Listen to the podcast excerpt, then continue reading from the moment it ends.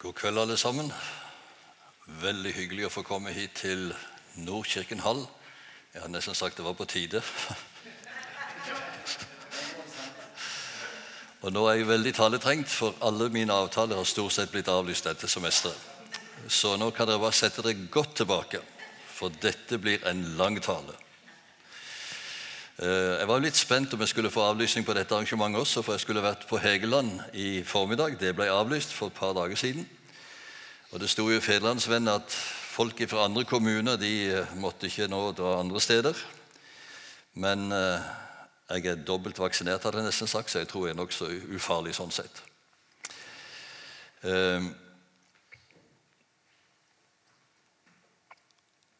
Dere har fått utdelt en eh, disposisjon, og nå kan dere gjøre som dere vil, om dere vil følge med på den, eller eh, ta den med og repetere.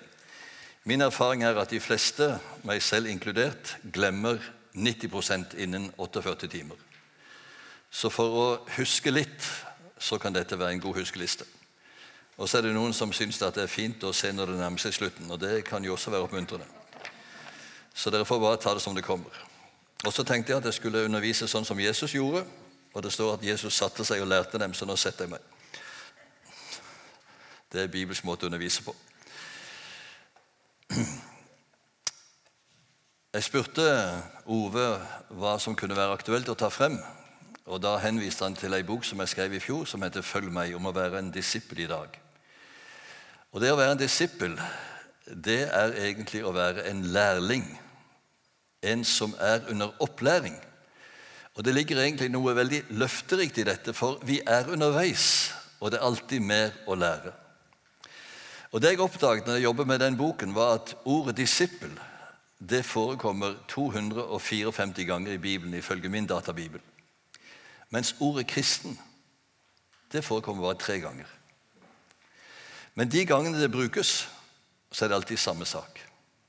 Og første gang disiplene ble kalt kristne, det var i Antiokia, står det i apostelgjerningen 1126. Og Det som er litt interessant, er at det å bli kalt for dette verbet betyr egentlig å ha som hovedanliggende. Disiplene i Antiokia de hadde som hovedanliggende Kristus. Og Derfor ble de kalt kristne, egentlig små Kristuser. Og Kristus det betyr jo den salvede. Og jeg tror at folk i Antiokia de merket at disse disiplene de hadde noe av den samme salvelse over seg som Jesus hadde. Den salvede. Men det som har skjedd i dag, det er dessverre at man nærmest har satt et skille mellom det å være en kristen og det å være en disippel. Jo da, jeg er jo en kristen, jeg bor i et kristent land, men jeg er ikke sånn fanatisk kristen. Nei da, er ikke det, altså.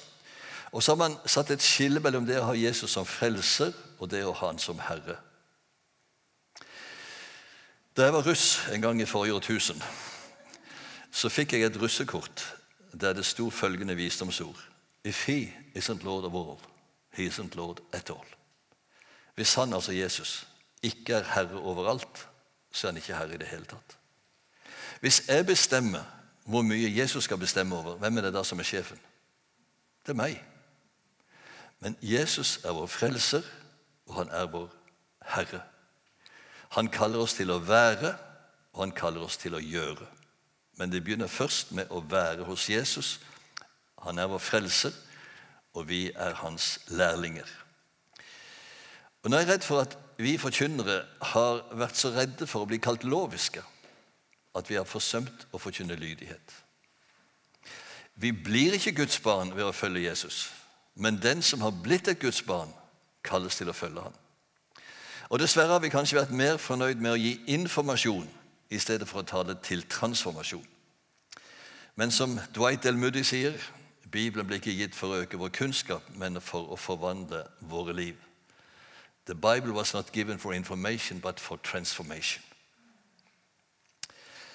Og Nå har vi hørt teksten for denne kvelden lest, og mitt første spørsmål er hvem er det Jesus taler til? Jo, det står at han talte til de jøder som var kommet til tro på ham. Men hadde de egentlig kommet til tro på Jesus? Nei, jeg tror bare at de trodde at han var den han sa seg å være, nemlig Messias. De trodde at. Og ellers var de tilfreds med at de var Abrahams barn. De trengte ikke noen frelser.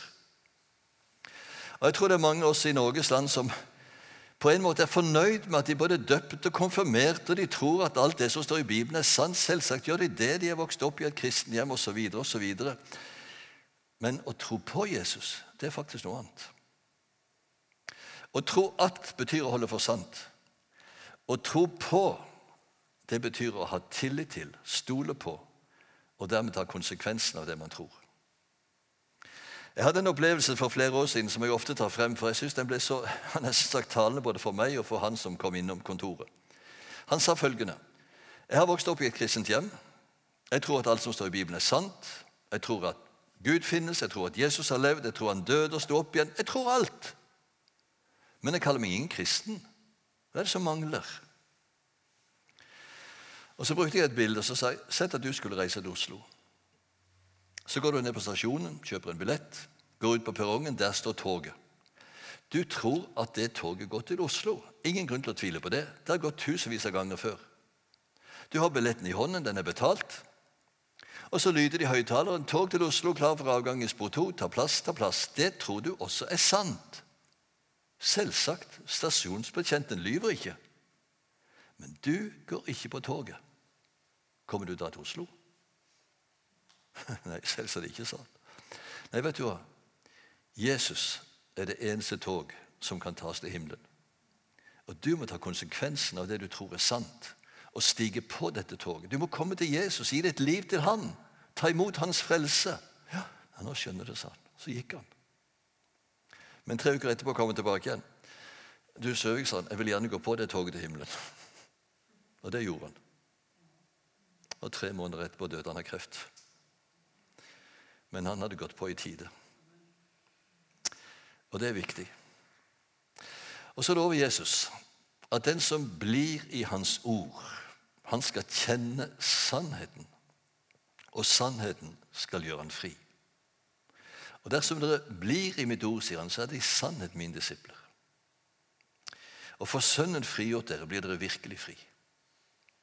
Og Da er neste spørsmål hva er egentlig frihet? Og Ser vi nøye på dette begrepet, så innebærer det egentlig to forskjellige kvaliteter. Man er både fri fra, og man er fri til. Og Dessuten, skal man være fri, så må man faktisk være bundet til sitt rett element. Absolutt frihet, det er absolutt tøv. Tenk på fisken i vannet. Har du stått på brygga og sett på en fisk som svømmer i vannet? Kan du tenke noe mer fritt enn det? Men sett at fisken skulle tenke som så Det var jo ganske ensformig å holde til her i sjøen. Jeg tar meg en tur på land. Da ville han ganske fort bli ufri. Han ville krepere. Det var ikke hans element. Ja, til og med en grein som er poda inn i et tre, er fri til å virkeliggjøre det den egentlig er skapt til, nemlig å bære frukt. Og faktisk er Kristus vårt rette element. I Han er vi blitt skapt til Han skal vi bli frelst, og i Han finner vi liv og mening med innhold. Der er friheten å finne. Og Hva innebærer denne friheten? Jo, for det første er det en frihet fra. En frihet fra syndens skyld. Fordi Gud har skapt alle mennesker, så står vi ansvarlige overfor ham. Og Det gjelder både når vi synder mot Gud, og når vi synder mot andre mennesker. Og Bibelen forteller oss at Gud reagerer med hellig vrede over synd. I dag tales det veldig mye om at Gud er kjærlighet. Gud elsker deg som du er. Gud er fullkommen fornøyd med deg. Du har ingenting å skamme deg over. Bla, bla, bla. Jo, det er sant at Gud er kjærlig, men han er også en hellig Gud som ikke tåler synd. Og så alvorlig er dette at Bibelen sier at den som synder, skal dø.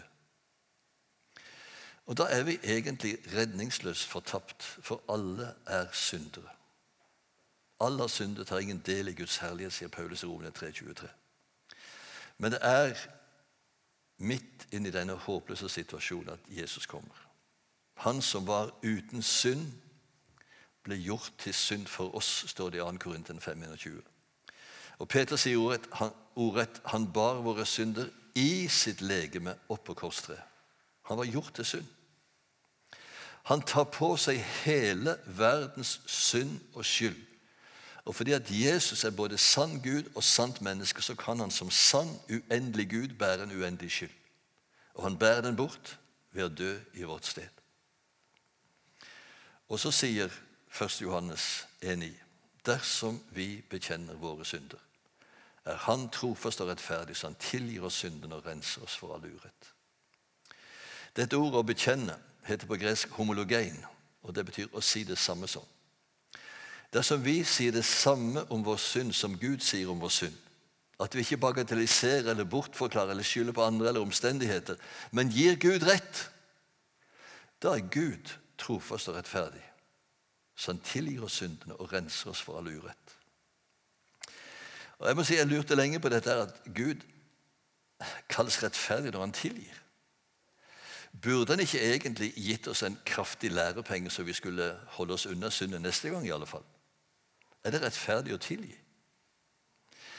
Så hadde jeg en hverdagsopplevelse for mange år siden. Muligens har jeg fortalt dette før også. Men for meg ble det en sånn aha-opplevelse. Min daværende kone, som nå er død, men jeg har blitt gift på ny, som nå en del av dere vet Men min daværende kone hun hadde vært på butikken og var blitt fristet mange gode tilbud, så var det for lite penger. Og når hun kom hjem, så sa hun vil du minne meg på at neste gang jeg skal på butikken, så skylder jeg 100 kroner. Og Det var en sånn lokal butikk like ved, så vi kunne gjerne skylde noe penger til neste gang. Ja, jeg skal prøve, sa jeg. Neste gang så gikk jeg på butikken, og så kom jeg på mm, kona mi skylder jo 100 kroner her. Ja, det stemmer det, sa kjøpmannen og fant frem en lapp i kassen som han reiv i stykker og kastet i søpla der jeg hadde betalt 100 kroner. Så glemte jeg å si det til henne da jeg kom hjem. Og så kom hun på butikken. 'Jeg skylder 100 kroner.' Nei sann, du skylder ingenting. Alt er betalt. Det var jo rettferdig. Hadde han krevd henne for 100 kroner til, så var det vært urettferdig. Og da gikk det opp for meg. Jesus betalte. Én for alle, én gang for alle. Og når vi kommer med vår syndregning, så sier Gud den ble naglet til korset. Den strøk han ut da Jesus døde på korset. Og synsbekjennelse, det fører egentlig til glede. For mange år siden var jeg nede i Darmstadt i Tyskland og besøkte Mariasøstrene. Der hang det en stor fane foran inngangen. Tot Bose seit fra. Gjør bot, vær glad.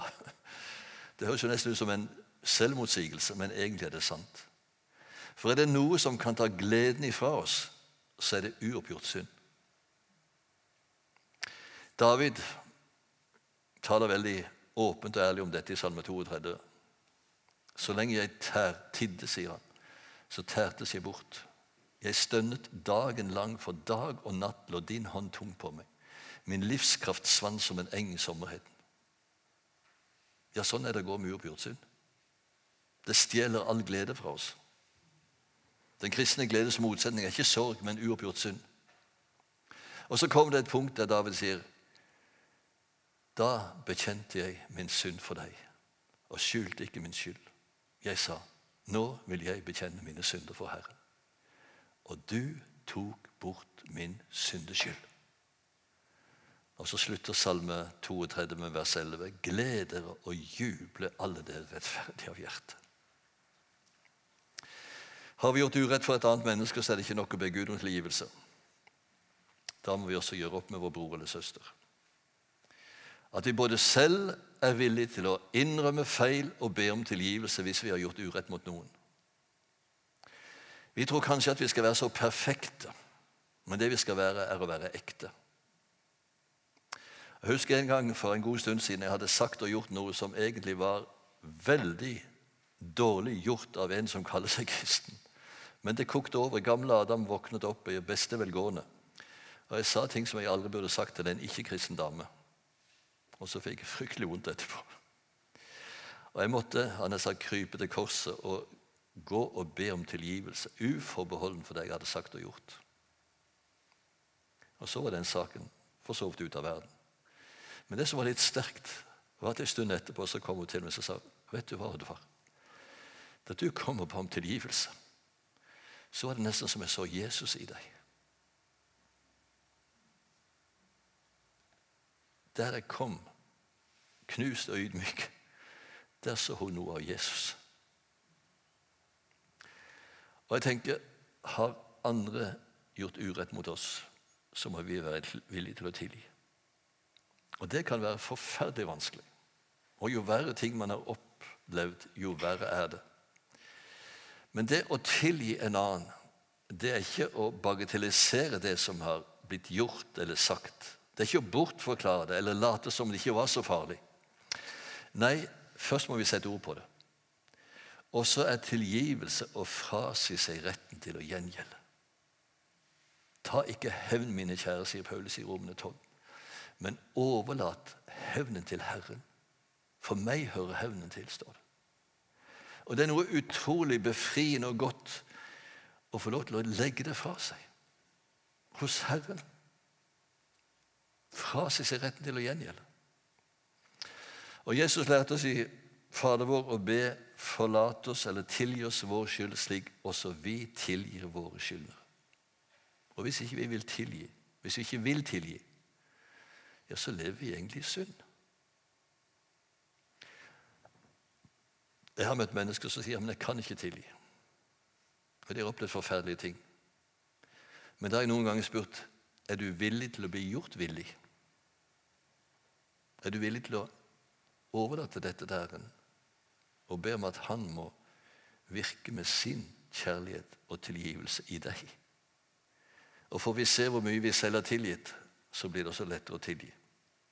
Det kunne vi snakket en hel kveld om, men jeg må gå videre. Friheten innebærer også frihet fra syndens makt. For det å leve i synd, det fører til ufrihet. Og Jesus sier her i teksten at sannelig, sannelig, jeg sier dere, den som gjør synd, er slave under synden.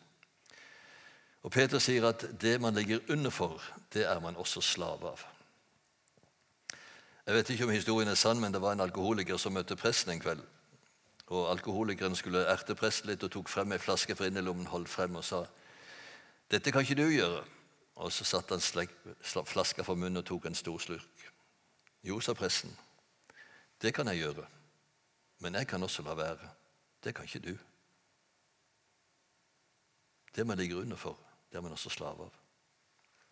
Og så var Jesu program, og er Jesu program, å løse de bundne og sette fanger i frihet.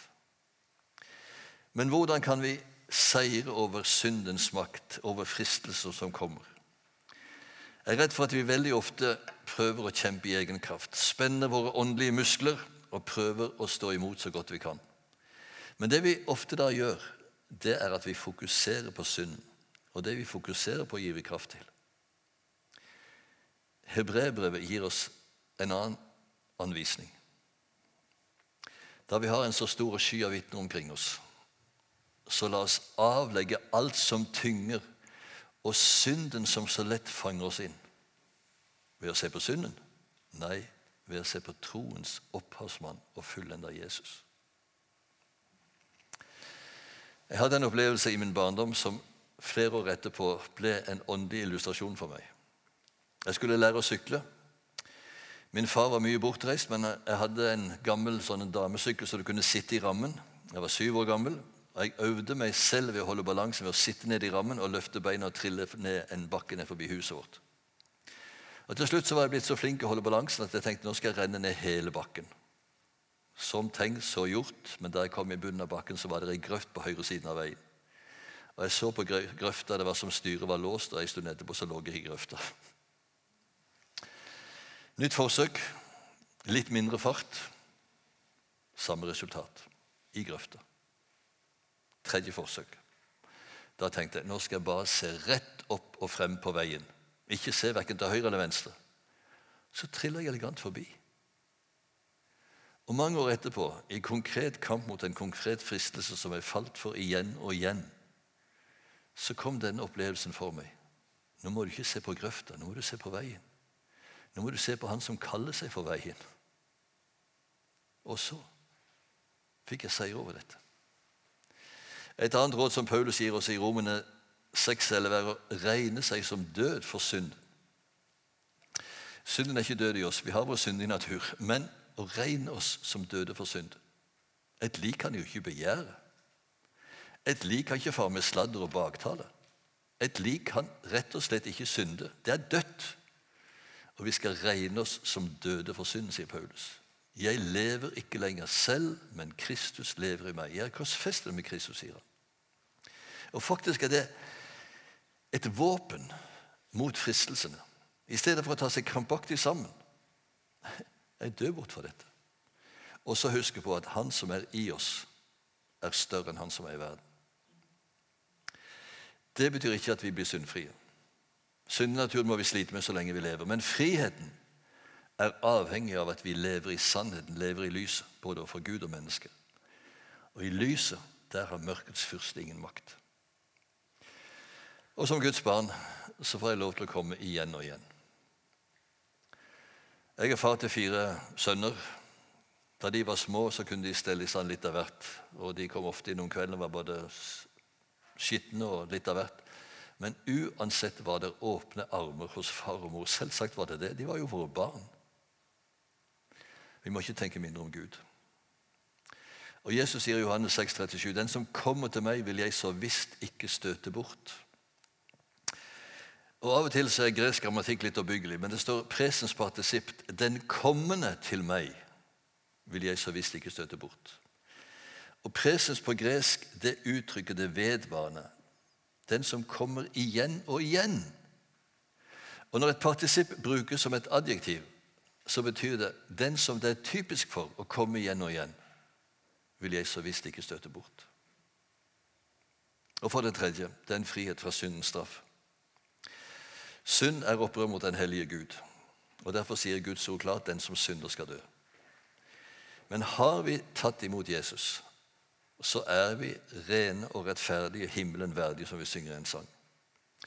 Og den som tror på Jesus, han kommer ikke for dommen, sier Jesus i Johannes 5,24. Og Noen syns at dette her høres jo litt rart ut, for det står jo at vi skal alle frem for Kristi domstol. Og I den store domsstenen i Matteus 25 så er jo alle mennesker samlet foran domstronen. noen på høyre noen på venstre side. Men det ordet som er brukt i Johannes 5,24, det betyr fordømmelsesdom. Den som tror på Jesus, kommer ikke til fordømmelsesdom, for han har gått over fra døden til livet. Og Når dommen begynner, så er allerede flokken delt. De rettferdige står på høyre side allerede. Og de får ikke høre et eneste bebreidende ord. Det de får høre, er alt det som Gud har virket gjennom det. Og Da har faktisk nesten skjedd automatisk. Nå gjorde vi dette. Nå så vi til syke, nå så vi til de som var i fengsel, nå ga vi sultne mat osv. Det dere gjorde mot en av disse minste, mine minste, har gjort mot meg, sier Jesus.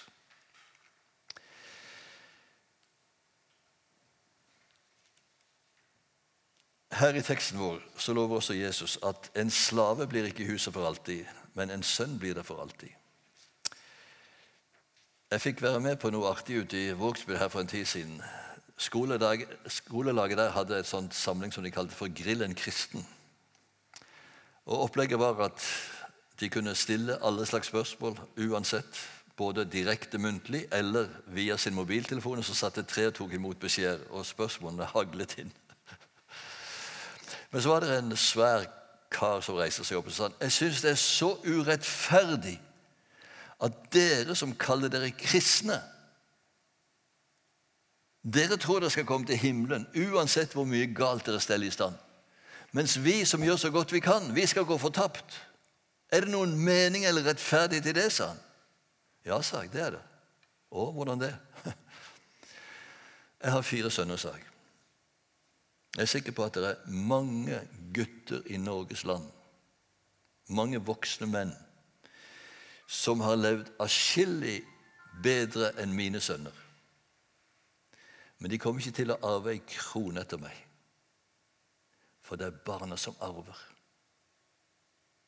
Derfor er det logikk og mening i det. Skal du arve himmelens herlighet, så må du bli Guds barn. Så må du ta imot Jesus. For alle de som tok imot ham, dem ga han rett til å bli Guds barn, de som tror på hans navn. Sønnen i huset, eller barna, de arver alt fordi de er barn. Det er det Paulus også sier i Rom 8,17. Er vi barn, så er vi også arvinger. Guds arvinger og Kristi medarvinger. Og så neste side. Og Nå må du ikke snu ikke den veien, men den veien. Jeg gjorde litt feil i kopimaskinen.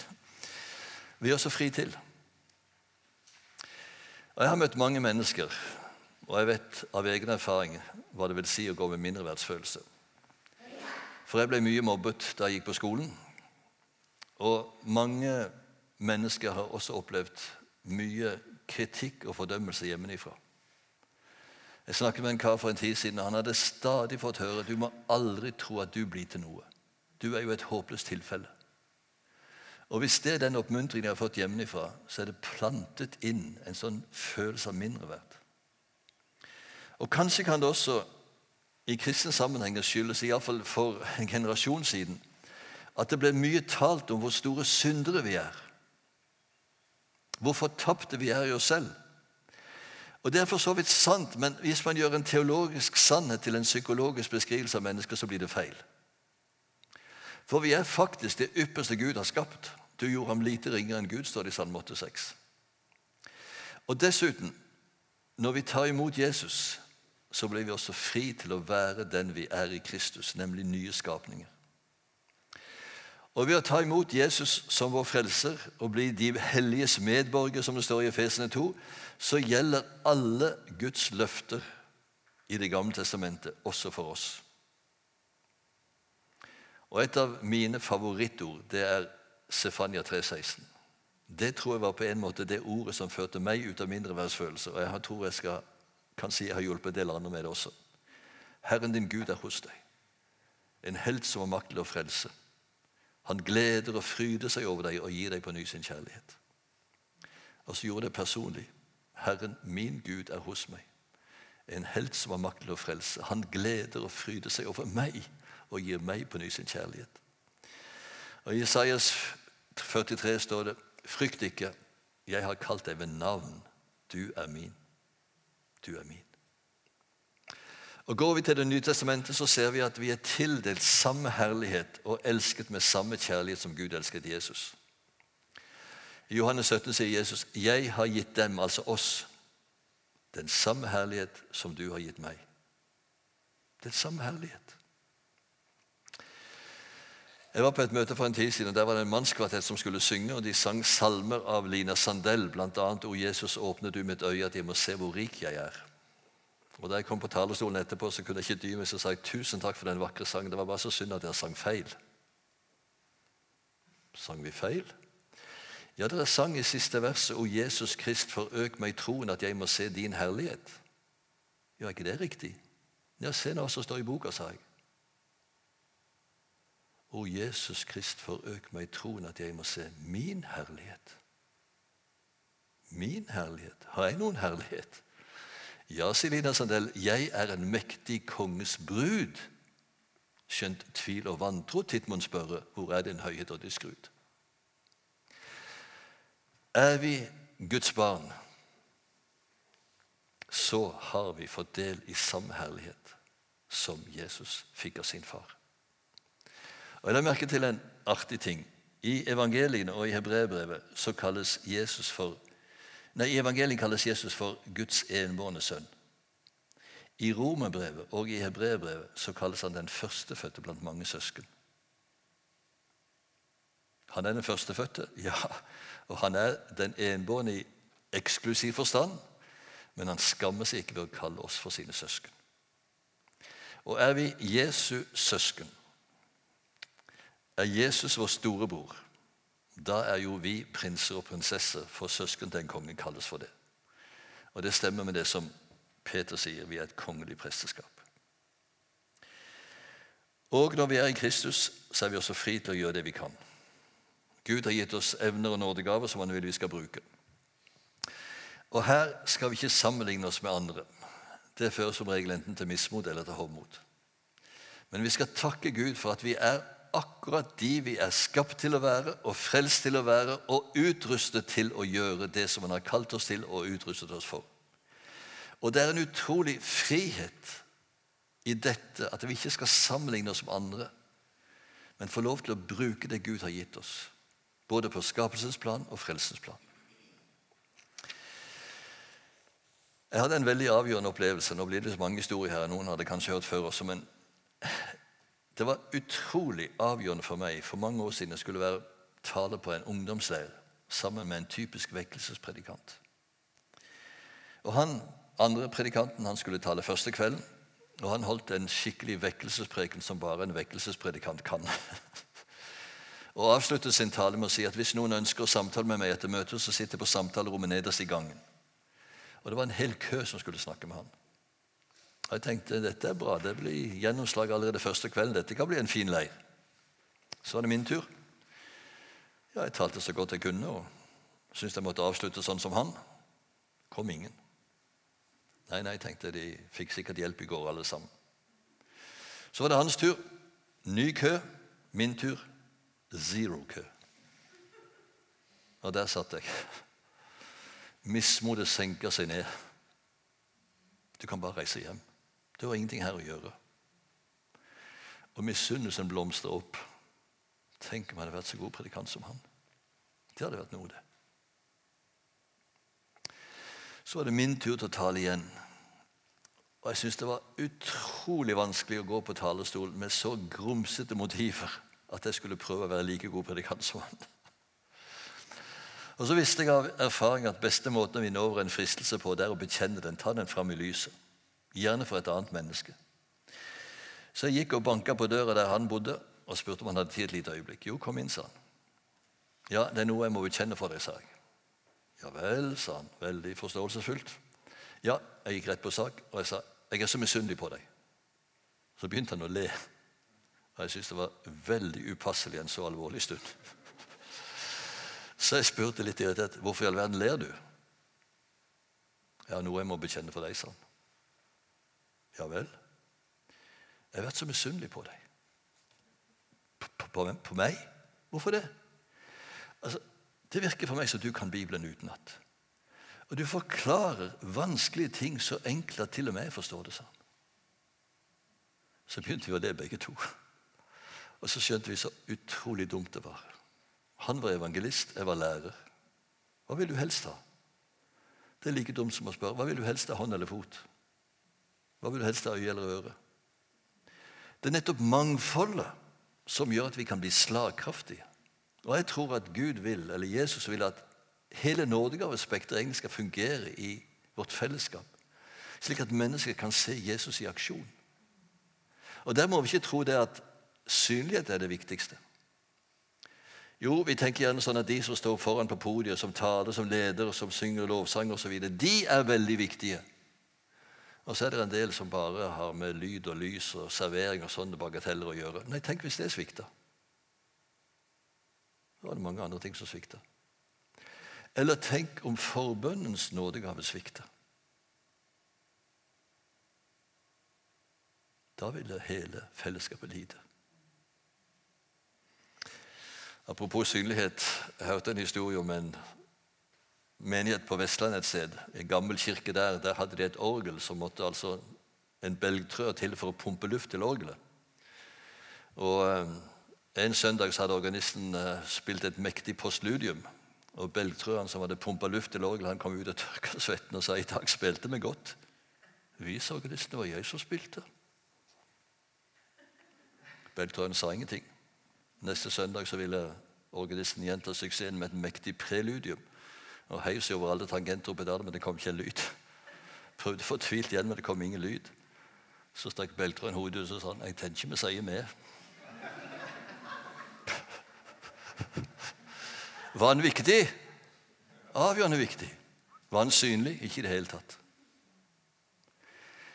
Guds menighet trenger alle nådegaver. Og Hvis vi er bevisst at det er Gud som har gitt oss det vi har fått, da er det ingen grunn til å ha mot heller. Paulus spør i 1. Korintene 4,7.: Hva har du som du ikke har fått? Og hvorfor roser du det som du ikke hadde fått det? Og Dessuten så gjør det oss frimodige. I egen kraft, nei. Men alt makter jeg i Ham som gjør meg sterk. Og Hvis vi er der Gud vil ha oss, så vil Gud gi oss det vi trenger til. Fri til å gjøre det vi kan. Og for det tredje fri til å leve etter Guds bud. Jeg sa at Jesus er vårt rette element. Hans vilje er fullkomment god. Og jeg tror at Han som har skapt oss, vet best hvordan vi skal fungere best mulig. Dessuten, når Han tar bolig i oss ved sin ånd, så gir Han oss både en ny vilje og en ny evne til å gjøre det Han vil. Det var det Gud lovte allerede gjennom profeten Esekiel. At en dag så skulle han ta steinhjertet ut av kroppen, det døde hjertet, og gi oss et kjøtthjerte i stedet, et levende hjerte. Og gi sin ånd inni dere, som gjør at dere følger mine forskrifter og tar vare på mine lover. Og Kristen frihet er ikke å gjøre det du selv vil, men det som Gud vil. Og hans vilje medfører å gi seg selv for andre, for slik er hans vesen. Det viser seg å være fullstendig tilfredsstillende av den enkle grunn at det er det vi er skapt til, sier Michael Green i sin bok 'Jesus Spells Freedom'. Og Vi kunne også sammenligne Bibelen med bruksanvisning for livet. Nå må jeg gjerne tilstå at jeg hater bruksanvisninger.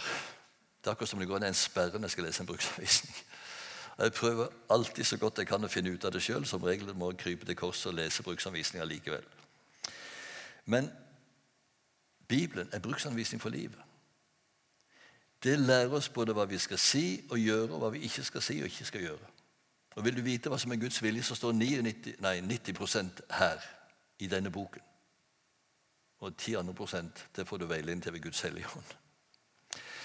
Vi kan også sammenligne Guds ord og Bibelen med trafikkregler.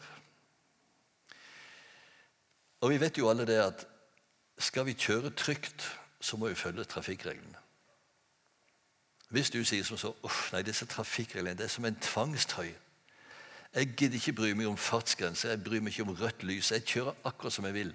Jeg kan garantere før eller siden vil det si pang. Og du vil skade både deg selv og andre. Men følger du trafikkreglene, så kjører du trygt. Men når det gjelder Guds ord, så er det mer enn trafikkregler. Guds ord gir også kraft til å leve slik Gud vil. Og Paulus sier i 1. Tessalonikerne 2,13.: Da vi kom til dere og forkynte Guds ord, så tok dere imot det, ikke som menneskeord, men som det Guds ord det i sannhet er. Det virker noe med sin kraft i dere som tror. Jeg hadde lagt merke til at Kolossene 3,16 og 17 er nesten identisk med Efesene 5,18-19 og 20 også, for den saks skyld. Efesene 5,18 begynner 'bli fylt av Ånden'. Så dere taler til hverandre med salmer, sanger og åndelig vise. Syng og spill av hjertet for Herren og si Gud og Fader takk for alle ting i vår Herre Jesu Kristi navn. Eneste forskjell med Kolossene 3,16 saklig sett er at det begynner med 'La Kristi ord få rikelig plass hos dere'. Så dere taler til hverandre, osv. For hvis Guds ord får rikelig plass hos oss, dvs. Si både at vi tar det rikelig til oss og gir det rom i våre liv at det ikke er noe rom i vårt hjertes tempel der det står privat adgang forbudt, men at Herren får komme inn i alle rom. Der blir vi fylt av Guds hellige ånd. Og da får vi både en ny kjærlighet og en ny kraft til å leve slik Gud vil. Og helt til slutt hvordan kan vi erfare denne friheten? Jo, først og fremst ved å forbli i Hans ord. Verbet 'bli' betyr egentlig 'forbli'. Bli værende. Og skal vi lære å leve rett, så må vi lære oss til å tenke sant. Og det kan vi egentlig bare gjøre ved at Hans ord får fylle våre sinn og våre tanker. For vi bærer ofte med oss så mange løgntanker som er blitt pådyttet kanskje hjemmefra, og ikke minst fra masemedia i dag, som en sa. Vi bombarderes av feilaktige påstander og løgner. Og hører vi det lenge nok, så tror vi at det er sant.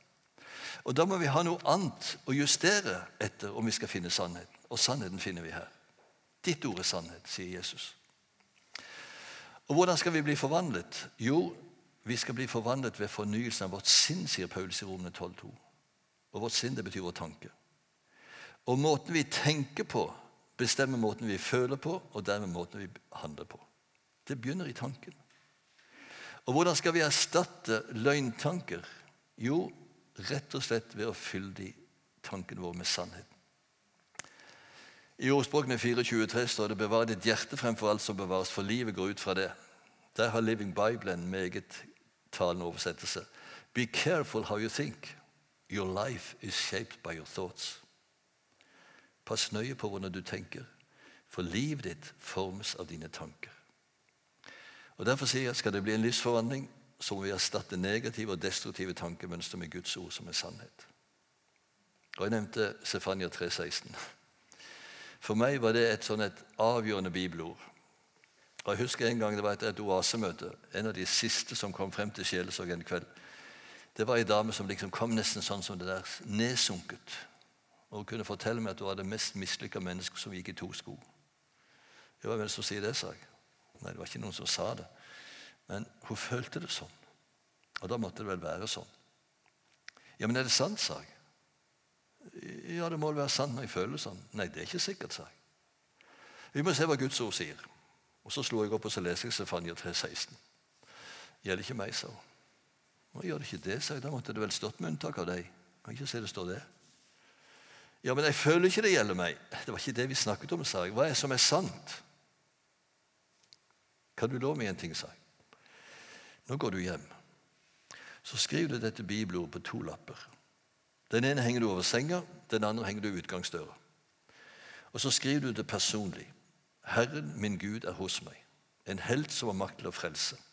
Han gleder og fryder seg over meg og gir meg på ny sin kjærlighet. Så, sier du takk, Jesus.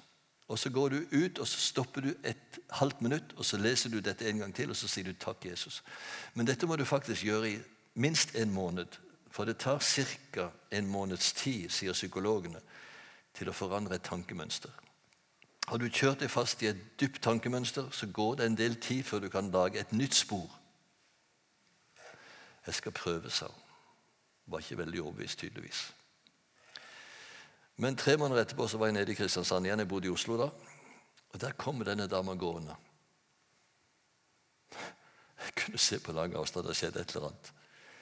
Så sier hun, 'Søvik, vet du hva?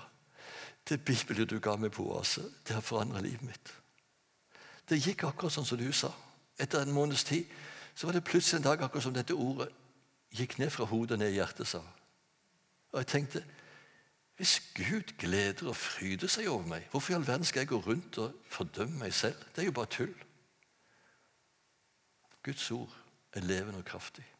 Skap hva det nevner. Er du full av frykt for fremtiden? Hva sier Guds ord? Jeg vil gi dere fremtid og håp.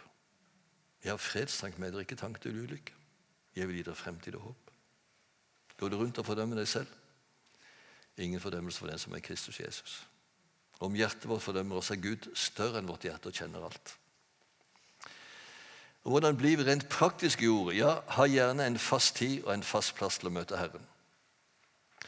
Men jeg er litt redd for å gi en oppskrift. for Det som passer for meg, det er ikke sikkert det passer for deg. Men prøv allikevel å finne noe som fungerer, slik at du kan ha regelmessig omgang med Guds ord. Bli fylt av Guds ord. Og Her ser dere på den tegningen at det begynner med lillefingeren, høre og lese. Troen kommer av forkynnelsen. Alt som vi egentlig skal tro, kommer av forkynnelsen. Både tro til frelse, tro til helse, tro til alt i Guds rike. begynner med at vi tar Guds løfter på alvor. Og Når vi tar Guds løfter på alvor, så begynner disse løftene å virke i oss og skape tro i oss. Troen kommer av forkynnelsen. Så skal vi studere Guds ord. Det står om menigheten i Berør at de hadde et edlere sinn enn de i Tessalonika. De gransket daglig i Skriftene for å se om det stemte, det som Paulus hadde forkynt. De gransket, de studerte. Og jeg tror det er viktig hvis vi møter et vanskelig bibelord, at vi ikke bare liksom hopper over det, men prøver å finne ut hva betyr det egentlig Og Selv om jeg har studert Guds ord i over 50 år, så er det ufattelig underlig og fantastisk stort når jeg plutselig oppdager Er det det som står skrevet? For en perle, for en skatt! Du verden, Nå skjønner jeg også den sammenhengen. Studer Guds ord. Og så er det viktig også å memorere Guds ord. Lære det utenat. Jeg tror det er få ting som jeg har hatt så mye glede av i mitt kristeliv som dette å lære Guds ord utenat. Og Finner jeg et godt bibelord, så streker jeg under det, og så leser jeg det om igjen og om igjen til jeg kan det. Og så har Den hellige ånd for vane å minne meg om rett ord i rett tid. Og Det var det Jesus lovte. Når talsmannen Den hellige ånd kommer, så skal han minne dere om alt det jeg har sagt. Men hvis du ikke vet hva Jesus har sagt, hvordan i all verden skal Den hellige ånd kunne minne deg da? Det er ikke så enkelt. Men har du memorert Guds ord, har du lært det utenat, så kan Den hellige ånd både anvende i ditt eget liv og anvende i sjelesorg for andre. Gi deg de rette ord. Kunne nevne mange eksempler på det. I gamle pakt der skulle foreldrene gjenta Guds ord for sine barn mens de gikk på veien, når de sitter hjemme, når barna skulle legge seg. De skulle skrive Guds ord på dørstolper osv. for at de skulle lære Herrens ord. Og hvordan skal den unge holde sin sti ren, sto det i mitt konfirmantnytestamentet. Jo, ved å holde seg til ditt ord. Ordet veileder oss. Og så er det viktig også å meditere på Guds ord. Salig er det mennesket som grunner på Herrens ord dag og natt, står det i salmen. Han eller hun er like et tre plantet ved bekker med rennende vann. Det gir sin frukt i rette tid, og løvet visner ikke på det. Og Det er et veldig talende bilde, for når den hete ørkenvinden, sirokkoen, blåste fra øst, så visnet vegetasjonen ut i løpet av et par dager i Israel. Men så var det noen trær som sto der like grønne og upåvirket av de ytre omstendigheter og bar sin frukt i rette tid. Hvorfor det? De hadde røtter i fuktig jord ved en bekk. Og slik skulle vi ha våre åndelige røtter inn i Guds ord. Da ville vi ikke bli påvirket av de ytre omstendigheter, de indre følelser eller hva det måtte være, men røttene et annet sted. Derfor er det så viktig å meditere, grunne på. Verbet betyr egentlig å drøvtygge. Har dere sett på ei ku, så vet dere hvordan hun har det. Først rasker hun til seg masse høy, svelger ned i vomma, legger seg ned og begynner å hjorte det opp igjen. Og drøvtygger det godt og får ut all saft og kraft, og så går det rette veien. Og Slik skal vi altså lese Guds ord, ta det til oss, gjerne lese fortløpende, få tak i hva som står, få linjene, men også begynne å grunne på. Hva betyr det for meg i dag at Kristi fred skal råde i hjertene? Hva betyr det for meg i dag at jeg skal ikke være bekymret for noe? Hva betyr det for meg i dag? Grunne på, tenke på. Kanskje et ord du ikke har forstått heller. Grunne på, Hva betyr det egentlig? Så plutselig kommer Den hellige ånd i veiledning og lys. Og så praktisere. Og Det er når vi begynner å praktisere Guds ord, at det virkelig blir spennende. For han har sagt, hvis du gikk på som tømmerlærling og lærte bare alt om trevirke og saging og snekring og hva det måtte være, men aldri fikk slå i en spiker, så ville det bli kjedelig i lengden. Eller hvis du leste alle trafikkleger og pugga de utenat, man aldri fikk kjøre bil, så ville det bli kjedelig i lengden. Og Slik også med Guds ord. Det må praktiseres. Og da blir det også levende. Og da opplever vi denne friheten i Kristus. En frihet fra syndens skyld, makt og straff. En frihet til å gjøre det vi er skapt til, frelst til. Vi må våge å være den vi i Kristus er. La oss be. Herre Jesus, takk for ditt vidunderlige ord. Takk for at det er ånd og liv. Takk at det skaper hva det nevner. Takk at det er skarpere enn noe tveget sverd. Det trenger igjennom til det kløver marg og ben, sjel og marg og ben, og avdekker hjertets skjulte tanker og planer. Og Takk at ordet også er vårt våpen, Herre, som vi kan bruke i striden, både til forsvar og til angrep. Takk at det er vårt sverd, som vi kan bruke når vi blir stilt til regnskap for vår tro. Takk også, Herre, at det gir veiledning i alle livets situasjoner. Vi behøver ikke være i tvil om hva du vil vi skal gjøre, for du har gitt oss ditt ord, Herre.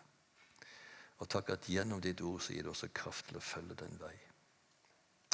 Herre, velsign denne menigheten. Velsign lederne lederskapet, pastor, lovsangsleder, hver enkelt som går her, Herre. La de få være et fellesskap som synliggjør hvem du er her i Mandal. Fordi her lyder ditt ord. Her kan mennesker erfare din kjærlighet. Her får de være vitne til din kraft.